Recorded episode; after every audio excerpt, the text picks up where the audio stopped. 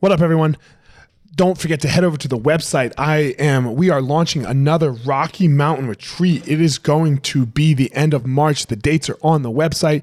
So go over to the website, elliottmarshall.com, and you will find all the information about it. So reserve your spot limited number of spots available. I like to keep it small. I don't want it too big. So if you are interested in coming to the Rocky Mountain Retreat, three days, jiu-jitsu mindset work, elliottmarshall.com. Let's go.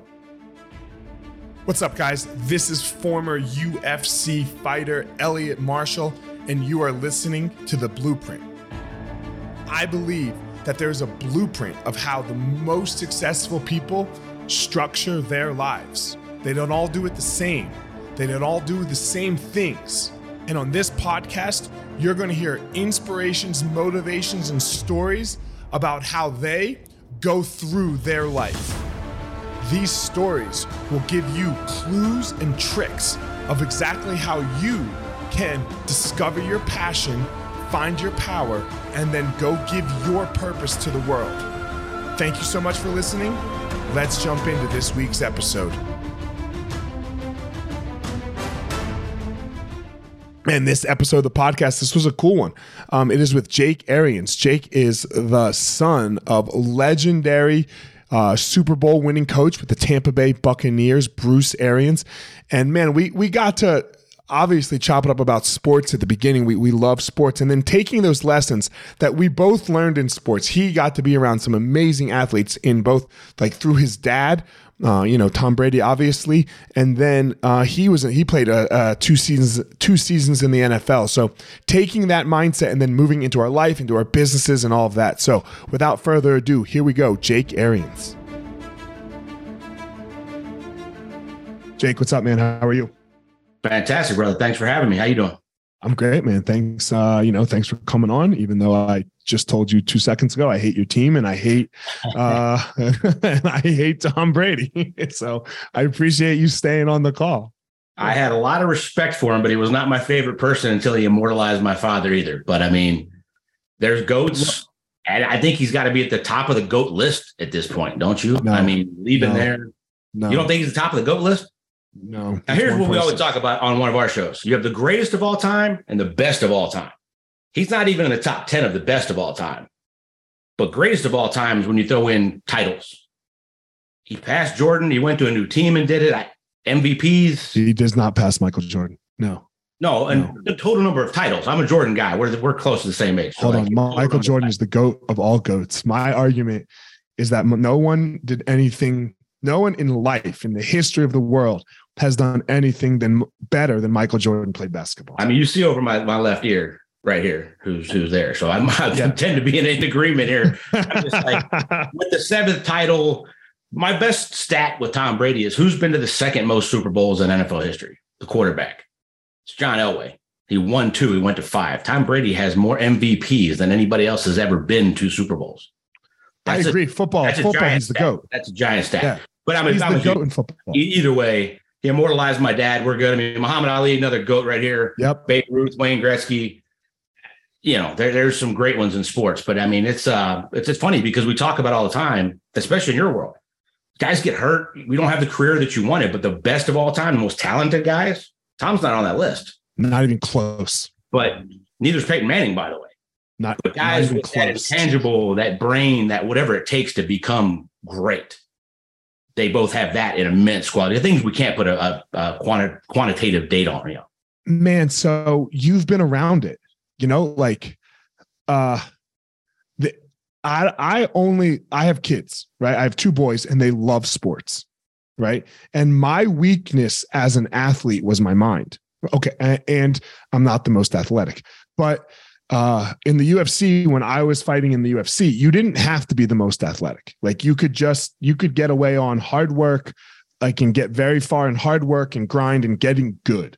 Uh, now that's not the case. You you have to be an athlete, but and so well rounded. Uh, yeah, and my mind wasn't the strongest. My mind developed forced upon me post career. I have these two boys that I, this is they love basketball. This is just what they want. They like they're they're practicing and playing every single day. So that's I can't really help them with like basketball skill too much. but I can help them in this area. So this is my question. You you're around it, man.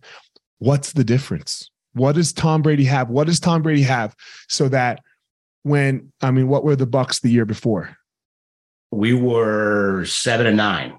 Seven and nine. We had the number one offense in the league. They had the leading passer in the league. Just had too many turnovers. You just needed that one guy to galvanize. But seven and nine to Super Bowl is big. big. Seven and nine to Super big. Bowl is big, right? It's like you know you can go. Uh, the ownership would be happy with seven and nine to playoffs. Oh yeah. Right? That, that that would be a great step one year to the next year. But you guys went seven and nine, add Tom Brady, bring in Gronk to to Super Bowl. So what does this guy have, man? You you try you you're around him, you talk to him, your dad's around him, you know. What what is it? I think that the greats, when we're talking about goats when we started the show, the Michael Jordans, mm-hmm. the Muhammad Ali, definitely Tiger Woods, the chip on their shoulder.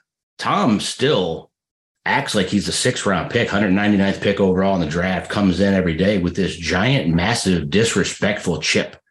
Tiger had it. How does he do that? Because it's not true. It's not true at this point, but I mean, I, I, I do think like he has this dark room in his house that's a bulletin board that like anybody that's ever said anything negative, like he just goes and drums up like, stuff. Just, what was that movie? Billy Madison. Yeah, like the deep yeah, Billy Madison. the web, but he like finds something in China that somebody said Tom Brady's no good. He puts a freaking you know bulletin board up there.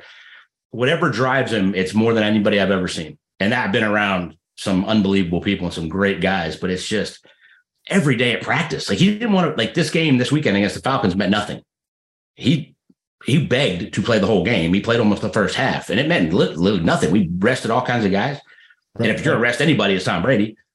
He sure, wanted to play. He can be, yeah, yeah. You know, it's just that every day in practice, everybody around me be great, and it's not great. Be perfect.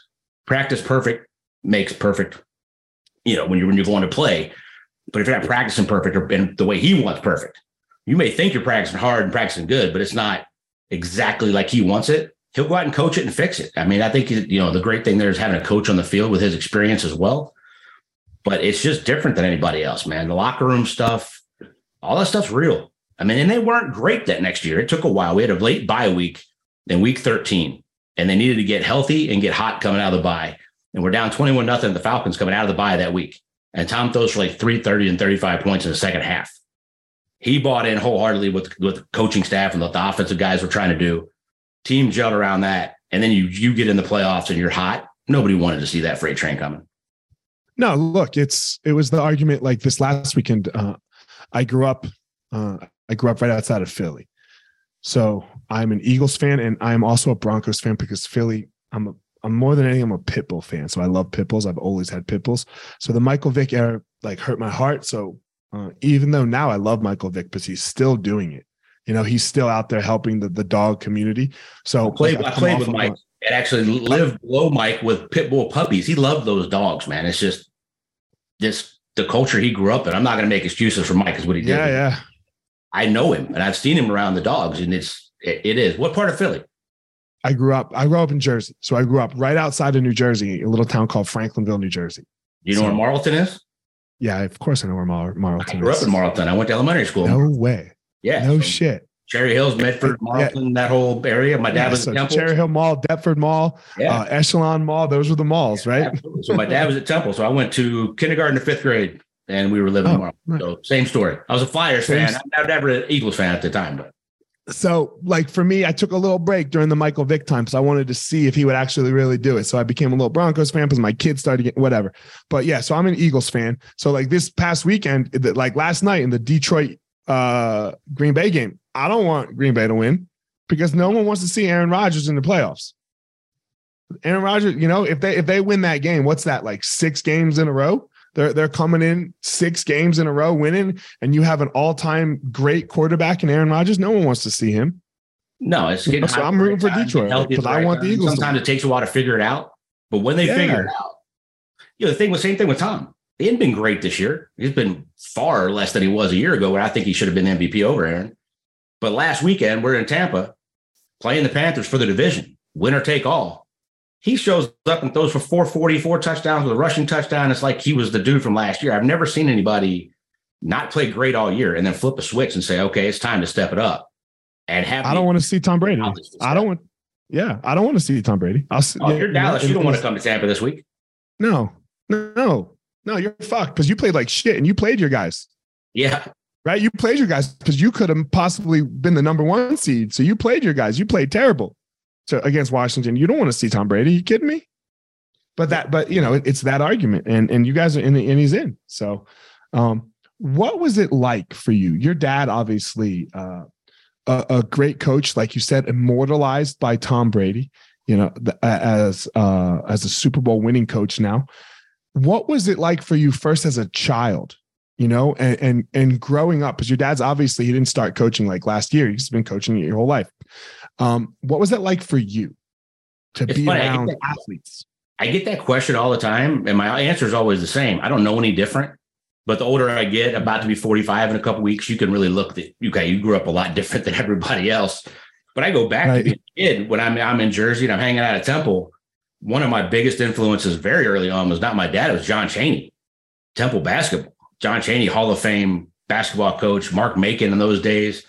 I, they'd let me hang out at practice as a you know second, third grader, walking around watching that stuff watching him get on those dudes' asses. Coach so, what did hard. you learn from John Chaney? coach him hard and, and, and, but have the respect and they knew that they loved him so it didn't matter how hard they got on him and he was hard on him but they loved that dude and it was all because he knew they knew that he was trying to make them better be as good as you could be to win and i'm around that all the time and then you know we moved to kansas city and then we're in kansas city i'm in sixth seventh eighth ninth grade half of ninth grade and this is the coaching staff marty schottenheimer bill cowher tony dungy herman edwards my dad joe pendry howard mudd Brian Schottenheimer was a ball boy that had just gone to college, so I kind of took his spot. I mean, this the amount of stuff you soak up. So my first job was working for the Kansas City Chiefs. We go to River Falls, Wisconsin, and they would Cheese League training camp days for six weeks. And I'm around these guys every day, two practices a day. Marty Schottenheimer, two a days. My mom thought it'd be a great idea because I get to spend time with my dad. Well, he's working his 20 hour schedule. I'm working my 18 hour schedule. We had dinner together every night. That was about it. We didn't see each other as much as we did when he was home. Uh, but you, the amount of stuff I, I, say it all the time, like Brian Schottenheimer, Sean McVay, Kyle Shanahan, we just kind of grew up different. The amount of stuff you soak in. I never got into coaching; those guys all did. But the, the amount of stuff you soak in from being around greatness and watching, if you really pay attention to how they all did it, there was a lot of things in common. But it, it was uh, it was pretty awesome. What's the number one thing that that's in common that you, you would say? I think work ethic. Like my dad kind of took a lot of like Marty was a grinder. He's like Belichick. Those guys slept in the office. They had midnight staff meetings. Great coach, a lot of success. Marty, I think Marty still has like 250 wins in the NFL, whatever it is. My dad got a little bit later on realized, okay, we don't need to try and reinvent the wheel.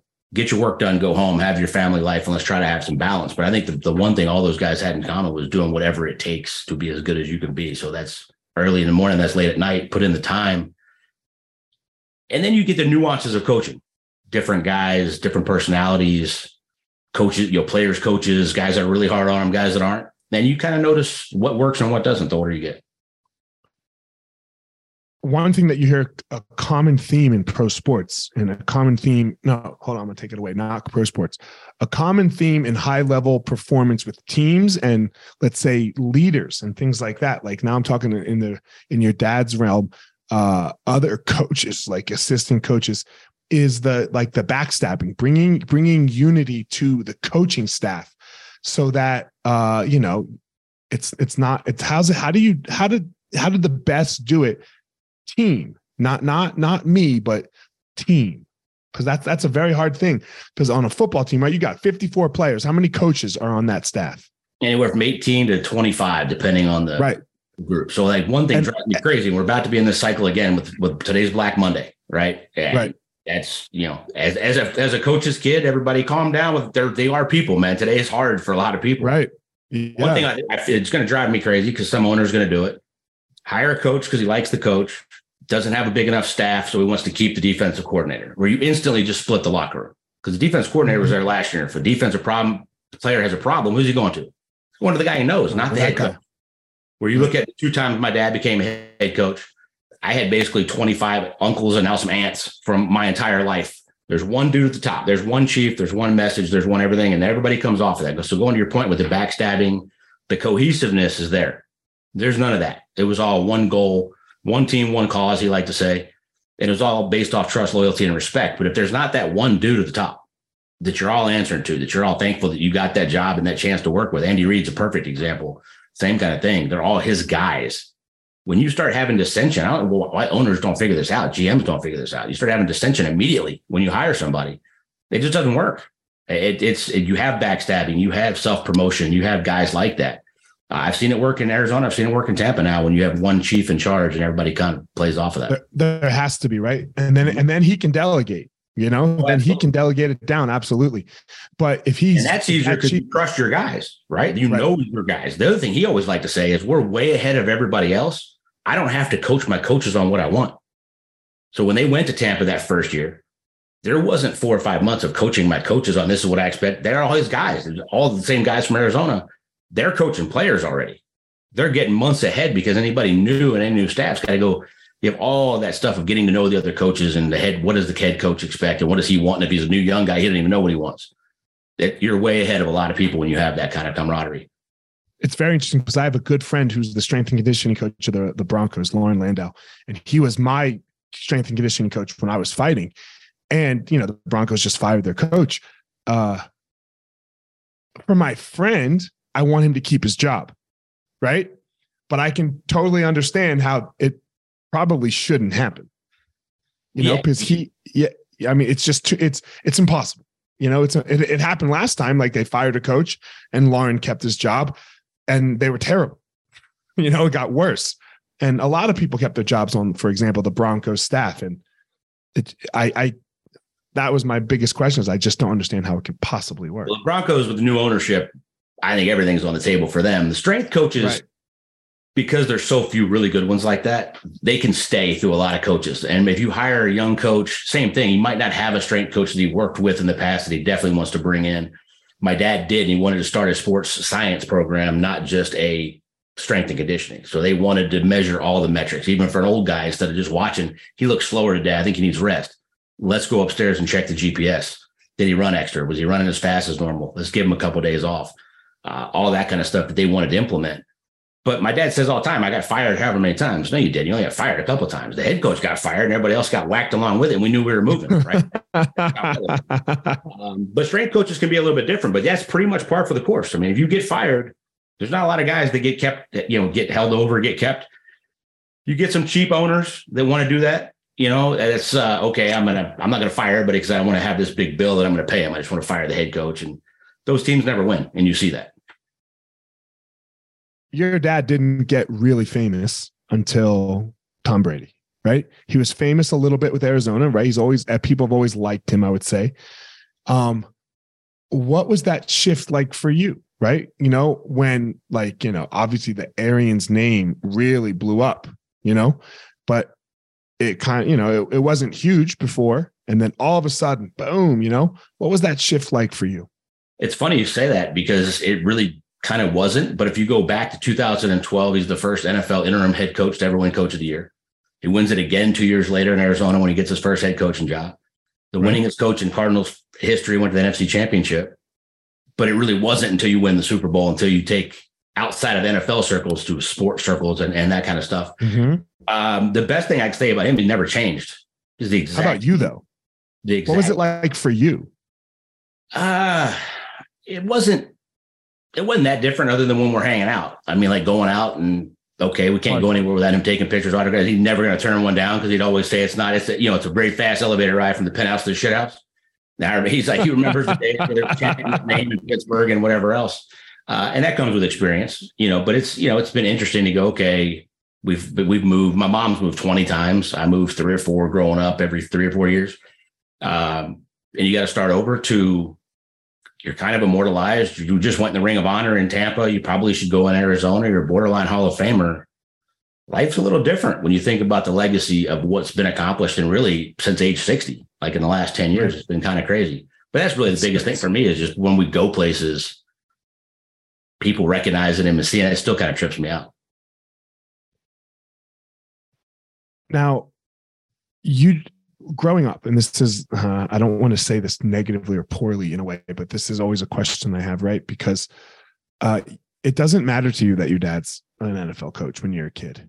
Like it's cool now, don't get me wrong, right? Like you grow up, you realize that yada yada. But when you're 12, man, you just want like a dad. Like that's that's all we ever. That's all all of us want, right? Is like you want a good parent, and you know, on, on the flip side, if you have a a mom or a dad who has this like awful story that they were abused and beaten and yada yada, and, and they have all these issues, you can realize that, but I mean, still at the end of the day, you don't really care. You just want a fucking parent that's going to take yeah. care of you. you. have it on in a different way of like your dad's been all over and famous, and yada yada. What was that aspect like for you? Like, of like when you're as a child, just you know wanting like a dad, like a like a normal dad. I got a rock star of a mom because my dad went around a lot. I mean, right. I'm lucky. I was, you know, the boy of the family. I got to go to locker rooms, and when I spent time with my dad, he was taking me to work. So I'm going in at five o'clock in the morning, and we're grabbing a breakfast sandwich. And I'm sleeping on the way into Philly from from Jersey. you know what that that's like. Um, right. I got lucky in that regard. I got to see him a lot more than my sister did, and she would have went to four high schools in four years. But when you live that life, and it's glamorous and it brings a lot of rewards, but you're talking about just having a dad, he wasn't there a ton. I mean, we are in Kansas City. We were talking about those those hours.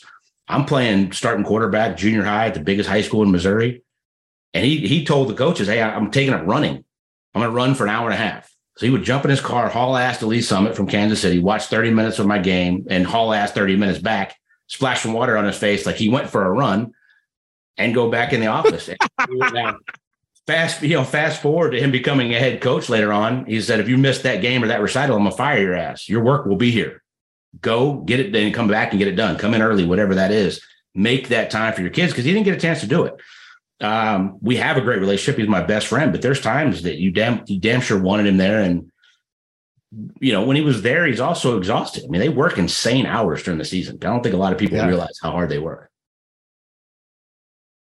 20 right? Like 20 is not abnormal for for a lot of guys. For three or four days? Yeah i mean they, I'll, I'll give you the example. Like monday for the average NFL coach. You're in there at six, you're home at midnight if you come home. Tuesday's the same, Wednesday's about the same. Thursday, you're in there at six, and you probably come home at six, and you might see your kids and stuff that night. If you're not with a super grinding staff, and you might be 10 o'clock that night. Friday's about the same. Saturday morning's walk through, Saturday night's the hotel, Sunday you play the game, Monday starts over. There's seven days a week, there's never a day off. That's a coach's life. You tell me how many days in there they wait, they had dinner with their family. Two, maybe three before they go to the hotel on Saturday night, yeah. maybe after the game on Sunday. Uh, yeah, little kids, tough. It's tough. It's uh, like I said, my mom's a rock star. They've been married 52 years, been together since they were 16 years old, and she's the glue that kept everything together. And you know, the one that really raised us. My dad did the best he can, but you're working those kind of hours with that kind of grind, man. It's tough. It's tough to be there and be the parent you want to be and the professional you want to be. How did you cultivate such a good relationship with your dad? But sometimes, you know, that could cause a lot of resentment yeah, I, I always looked at it as that's what he did for a living. That's that's I always understood from an early age. This is how we keep the lights on. It's how we have a roof over our head. Even though we might have to move, we're moving to a new place because that's his job. My mom was an attorney in five or six states, but was raising two kids and got tired taking the bar. And she was in on supporting his career. So that's what we did as a family. So there wasn't that any resentment. I also wanted to be a player. I wanted to be a coach. I wanted to be around him. I wanted to be in locker rooms, whether it was John Chaney or Ron Polk at Mississippi State, legendary baseball coach that I was around. Lucky enough when I was in high school in Starkville, um, it wasn't just football guys, but that relationship with my dad, get to go in those mornings and grab that breakfast sandwich and then be in his office drawing, you know, on the dry erase board and whatever it was, and going to meetings, and that's kind of how we bonded. So I never, I never had any, but I know a lot of kids that did. That's good. Yeah, there's a lot of kids that do because it's it's not there for them what have you been able to take from what you learned from your dad and all these other great people and and apply to your life? Like like what are you what are what have you because it's not sports right? Sports don't really fucking matter. Uh they they do but from for most people they don't right? Like for your dad for the tom brady's and this this is you know the michael jordans this is such a small percentage because i played a pro sport you even played a pro sport right? And uh you don't anymore and no one knows knows us when we're walking down the fucking street. Hmm. But you can apply it to your life and to your business and to how you do it. So first let's go like what you do for you for a living. Like tell everyone how you've taken sports what your dad showed you in that and applied it there. So the nfl stands for not for long right? So i, I led the bills in scoring in 2001 i played the whole season hurt had reconstructive surgery and i was done. Played played two years and that was it. But i had the job uh, had my SportsCenter moment and then you move on. And what I realized was kind of like you, I didn't realize that I was smart until later on in life because it never was a priority for me. Sports were my priority. I didn't really care about my grades or learning anything. I learned later on that kind of have a photographic memory, been ADD my whole life. I think there's a common theme there with entrepreneurialism. So I can't do the same thing every day. Um, right. So at 25, I started a diamond business, started going to private clients, pro athletes. I still have that as a side gig today. I've got nine different companies and nine different genres that I own, operate, work for, whether it's diamonds, real estate, podcast, representing coaches. Uh, there's just all kinds of stuff uh, that I kind of all run through a consulting company now. But it all comes back to those lessons you learn teamwork, hard work. There's no substitute, period. It doesn't matter. Um, making that sacrifice, whatever that is, to be successful. I remember those days in eighth grade basketball. Man, we ran a full court press. Kids are in basketball now. So our coach was the first 45 minutes of practice was no basketball. It was run your ass off until you can hopefully have legs enough to finish practice later. Because if you're gonna run a full court press, that's what you're gonna do. I remember those days like man, Can't get tired. Yeah. Yeah. I mean, like I remember just like, oh my God, how many? but you get through it. And it makes you tough. It makes you mentally tough. That's a lesson at 45 that I learned at eighth grade or earlier that you still rely on every day shit, I'm tired. I got three or four more hours of stuff to do. Oh, well, suck it up, mm-hmm. buttercup. Freaking pull yourself up by your boots and let's go get it done. I don't think everybody has that mentality. I mean, you get it in the military, but I think sports is the ultimate equalizer when it comes to that. No, you know, no substitute for hard work, dedication, sacrifice, all of those things to get to the end goal, and that's winning. And then you're in life, it's being a good husband, being a good father, being a good businessman, being a good member of the community, all those kind of things. But it all came from learning that in sports, 100%. Yeah, sports. Uh, I, I won't say that other things don't do it because, like, you can definitely get it other ways. Uh, but there's nothing like sports. You know, there, there there really isn't because you you your hard work generally does pay off up you know up until a certain level but like you know your dad says go go go play more and you're in eighth grade go practice and you practice more and you you actually like you're like oh shit i'm better so yeah. um, obviously there comes a, a point where uh, the athleticism and things like that come into play, but the key is to be able to take those things, right? To take those those lessons, those little gems and pieces of gold that you learn, and then move them into the next thing you are doing, right? So how did you do that with your NFL career? Because like you said, uh, reconstructive surgery, and then gone out of the NFL, right? Yeah, so you hold out that dream for a while. You know, you go to a couple workouts, you hope you're going to go to camp, and then everybody goes to NFL training camp, and you're not there. And you right. go, well, shit, that money from the last two years is uh, it's not going to last forever. I'm 24, 25 years old. What the hell do you do? Hold on, man. How much? Like you, you telling me three million, four million don't last for the rest of your life? Shit, I made 210,000 my second year and made 90 or 120,000 my first year on the practice squad. And that was double. Coach Reeves took care of me in Atlanta. So they didn't want me to leave. I was going to take over for Morten Andersen. And so then you made three hundred grand in two years. Yeah, yeah. So a that's not money a lot of money. Twenty five, but it ain't lasting very very long. Uh, and I, I, I, recognize that. So it's time to okay. That's and it's hard for a lot of guys. I tell guys that are playing all the time now, figure out what you want to do next, and start doing it while you play. Because if even if you play 13 years in the NFL, you're 35 years old when your career's over. There's a lot of life left. There's a lot of great life left. There's a lot of really cool things you can do. But like everybody, and I did this too, sit on the damn couch for six months going, shit, how long do I hold this dream? My if my entire job is going to work out and kick and get my body prepared to go play, there's a lot of hours left in the day to be doing something. And it was take that dedication, finally give up the dream and move on to. And I found that I loved business plans. I love building businesses. I loved a, a multitude of businesses and it really came down to the business plan and then i never knew i was kind of entrepreneurial minded until it just kind of started happening and find different nooks and, and stuff that you wanted to jump into and it came down to like okay but it's all the same stuff it's all the same discipline that you wanted to implement into your life i love working for myself because i'm not a morning person i sleep like crap so i'm not a get up at 5 a.m kind of guy i'm not one of these I, i've tried all that stuff it's, it's awesome but if my phone's with me, I'm working. So I'd rather work at midnight than, than 5 a.m. But that's my schedule. Sure. I, I, can do it. It all comes down to getting it done when you need to get it done. Yeah. What was that like for you that six months? Because I think a lot of people, uh, and this is just more for the people, because obviously it's very depressing when you when you've committed your whole life to something, right? Yeah. And and then it uh, you know it doesn't work out, and then uh, obviously I've been you too, right? In the I, I, I, I what, what the fuck am I going to do now? right? Like, so what was that six months like? And then how did you get yourself out of that? I think it's being depressed, but not knowing at the time that you're depressed. I mean, this is 20 years ago at this point. Mm-hmm. Um, but you look back now and go, okay, if you're sitting around on the damn couch and you're just trying to figure it out, and it's what the hell do I do next? That's that's a form of depression for sure. Yeah, for sure. How do you get out of it?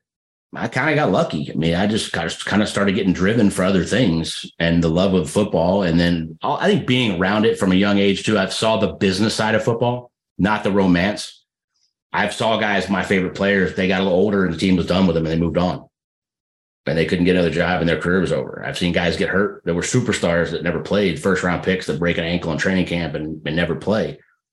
And then watch them without a college degree go do whatever. Uh, I went back to school, finished my degree. That was the first thing I did. Uh, but it was kind of finding that passion for other things and just kind of saying, shit, man, life is long but I think that, it's funny. I've never thought about it. You just asked the question. I think a lot of it was seeing the, the professional side of professional sports is ugly. They don't care, man. It's cutthroat. They will move on to the next dude in a heartbeat, then leave you with the bag of your life to figure out what the hell you do with it next. I think seeing that my whole life really helped, but it was still six months on the couch, man. I don't, I don't know. Any, I don't care who you are. Tom Brady's done at 23, four years in the league, whatever it is. He's already got a 10 year contract to go to Fox and be on TV there's still going to be a couple months of reflection, take it all in, figure it all out. Little woe is me, little, oh, that was pretty cool. Like all, all those damn things go into that. Look, you said it. They don't care who you are because uh, Indy chewed up and spit Peyton Manning out when they were done with him, right? And the same thing happened to Tom Brady in, in, in New England. They were done with him. They needed to move on. And that, boom, like, so you're talking about uh, Tom Brady is obviously number one.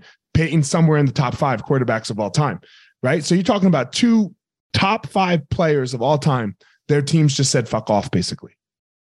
Peyton's was a neck. It was an injury. They yeah. were worried about it. They had the first pick. They thought they could take yep. Andrew Luck, and they were in a great situation. Okay, if you're going to do it, let's move on. Andrew should have been a Hall of Famer and played a long, long time. He had his injured injuries. Tom's was okay. You've been here forever. We've been to ten Super Bowls. We don't think you're as good as you've been. The team's not that great.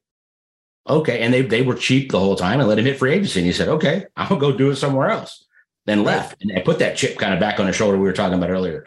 But if it could happen to them, they could damn sure happen to everybody, man. That's why I said everybody, not for long. And they don't give a damn who's on the back of the jersey. They care about the front of the jersey.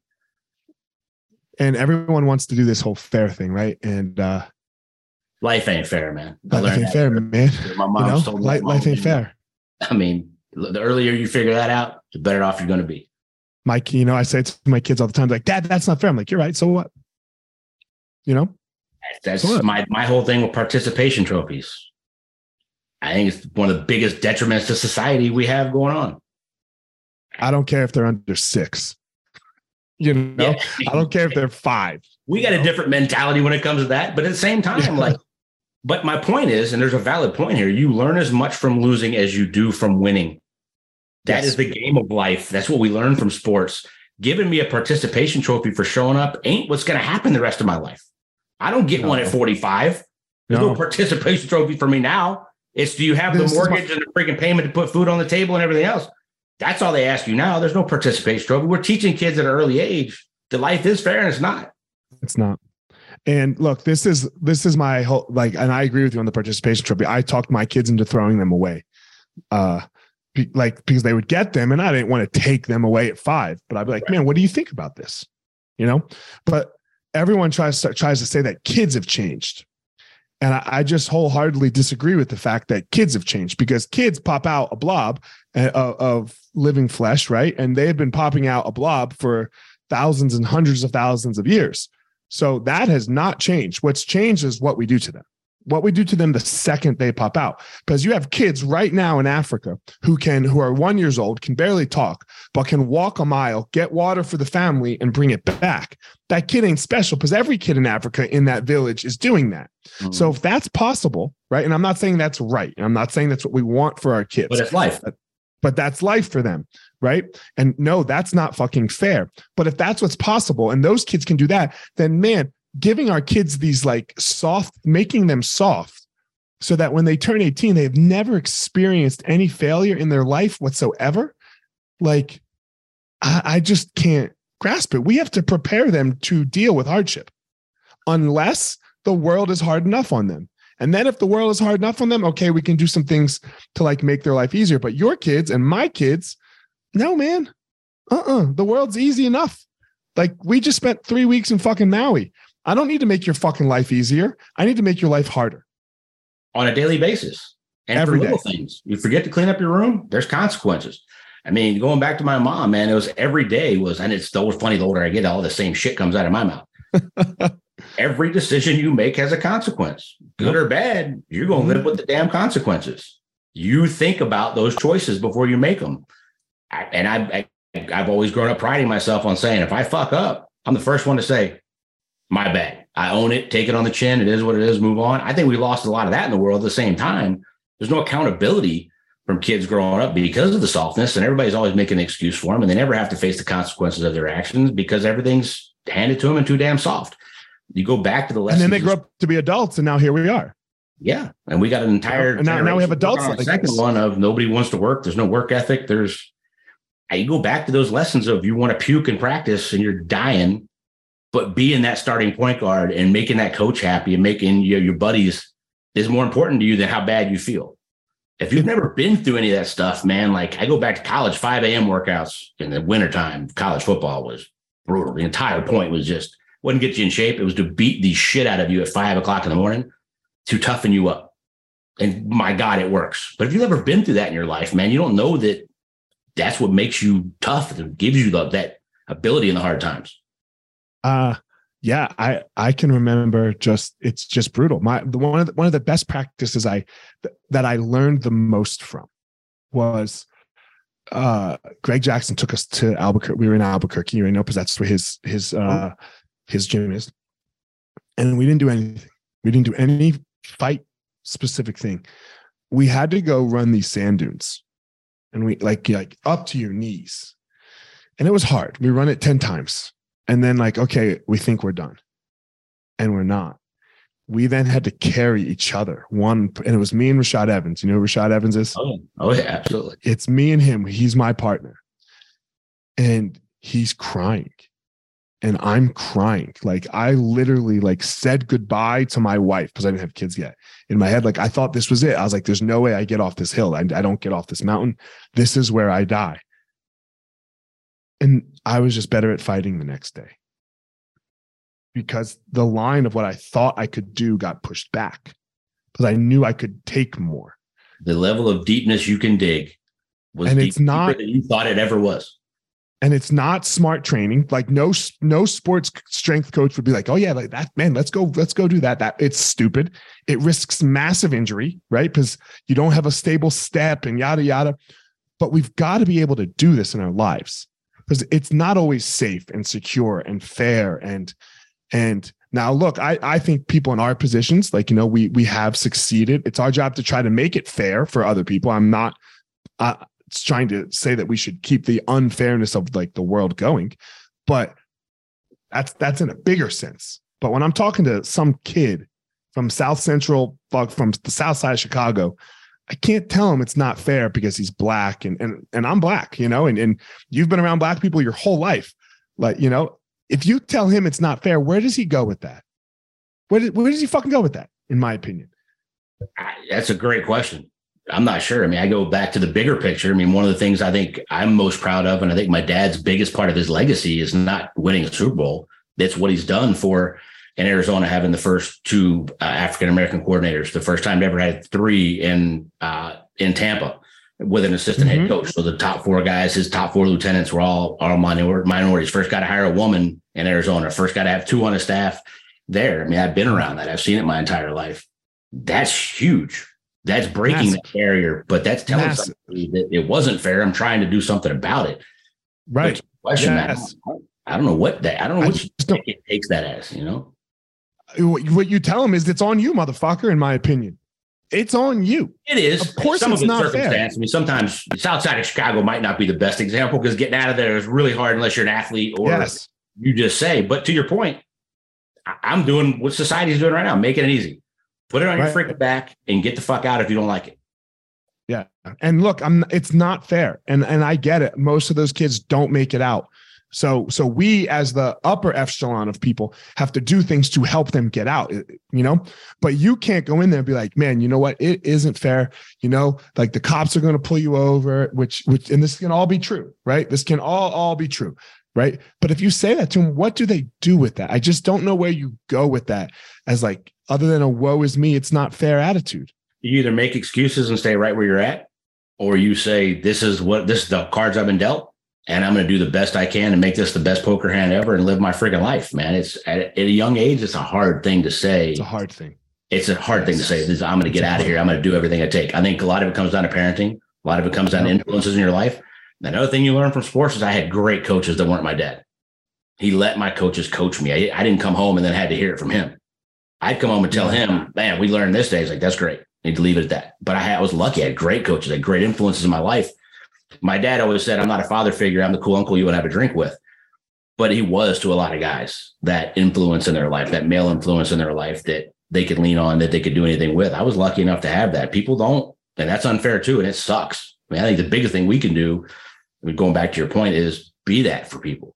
Even yeah. if you're not in coaching, you can still be that for somebody. Yeah, hundred because I think you and you and you felt this too, like you just said your dad and your parents, your mom and dad, they're only going to be able to do so much.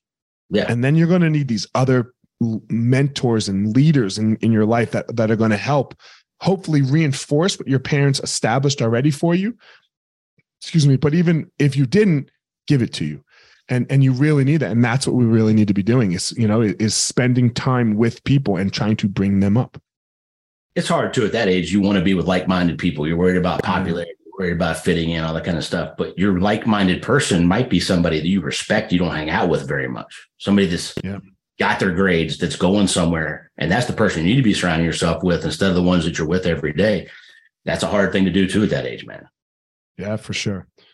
Man, I always like to end the conversation with these two questions. And uh this first one, please, not in a in a like, oh, like uh Ellie, it's cool in, in any way, but I, I'm trying to like really get people to understand that everything doesn't have to be this monetary return of return of investment on time you know?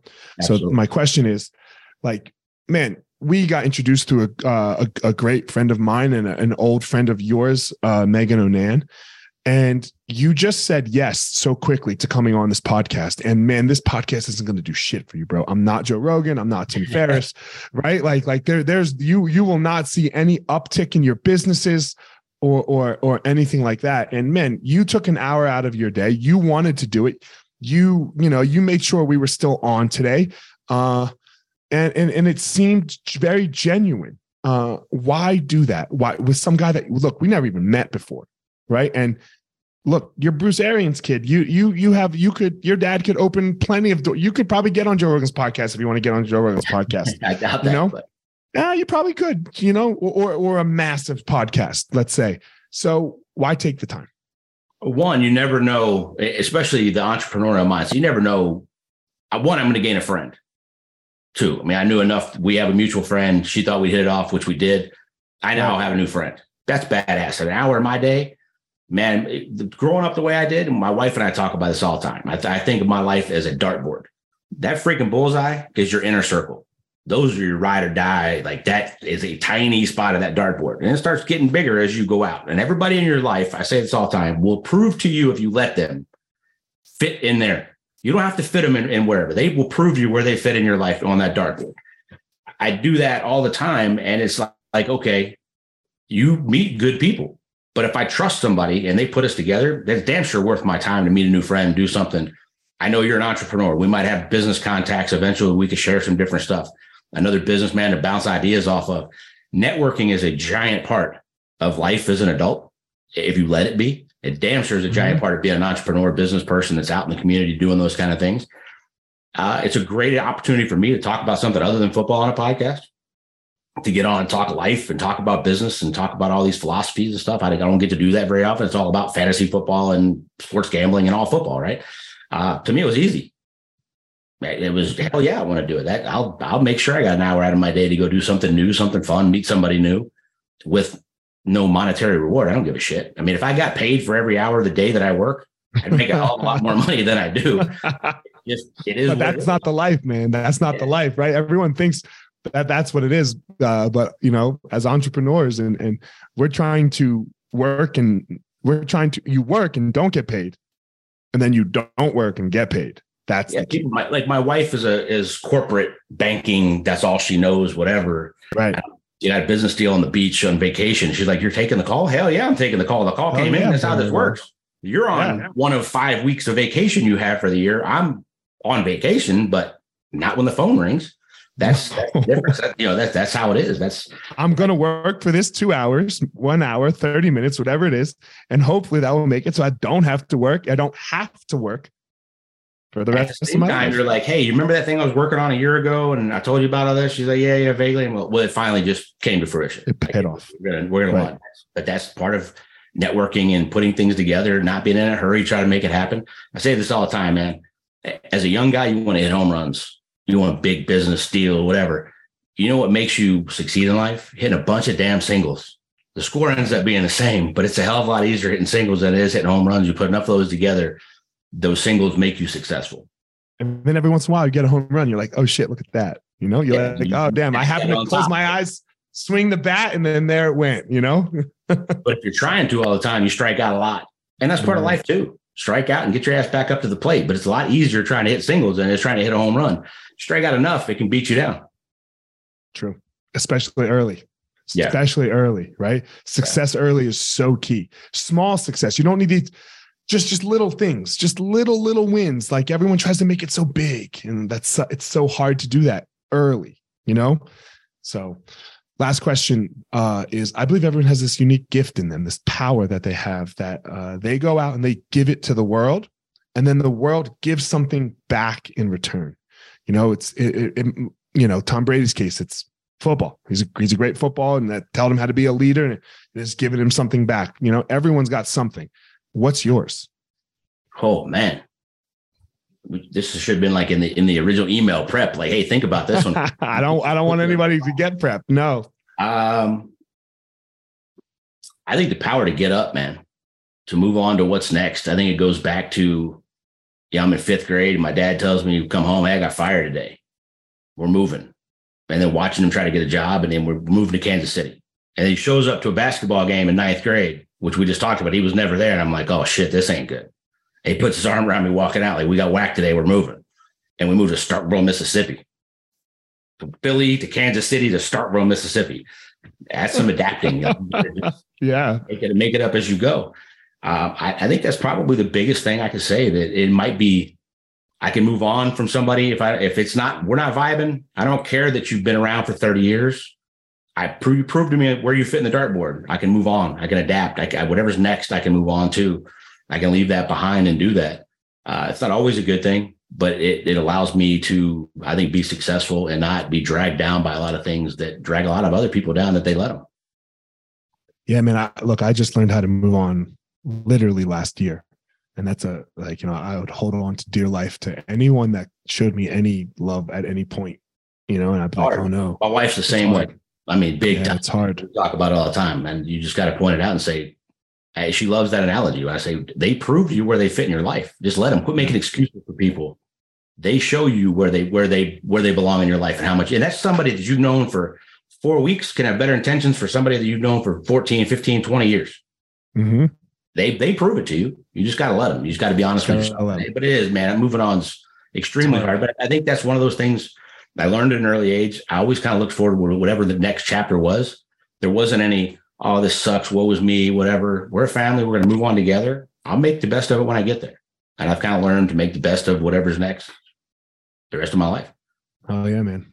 I appreciate I appreciate coming on. Tell everyone if they want to reach out or, t- or talk to you, social media, all that stuff. We're, we're, you know, plug it away. Whatever. I'm still yet to get on the old book, but Jake B Arians on Twitter and Jake Arians on Instagram. Yeah, reach out, okay. hit me up. All the above. Um, you know, there'll be more of this kind of stuff. This this season's about over, but I'll be I should have my own sports gambling podcast going again next year. And hopefully we got some big things in the works.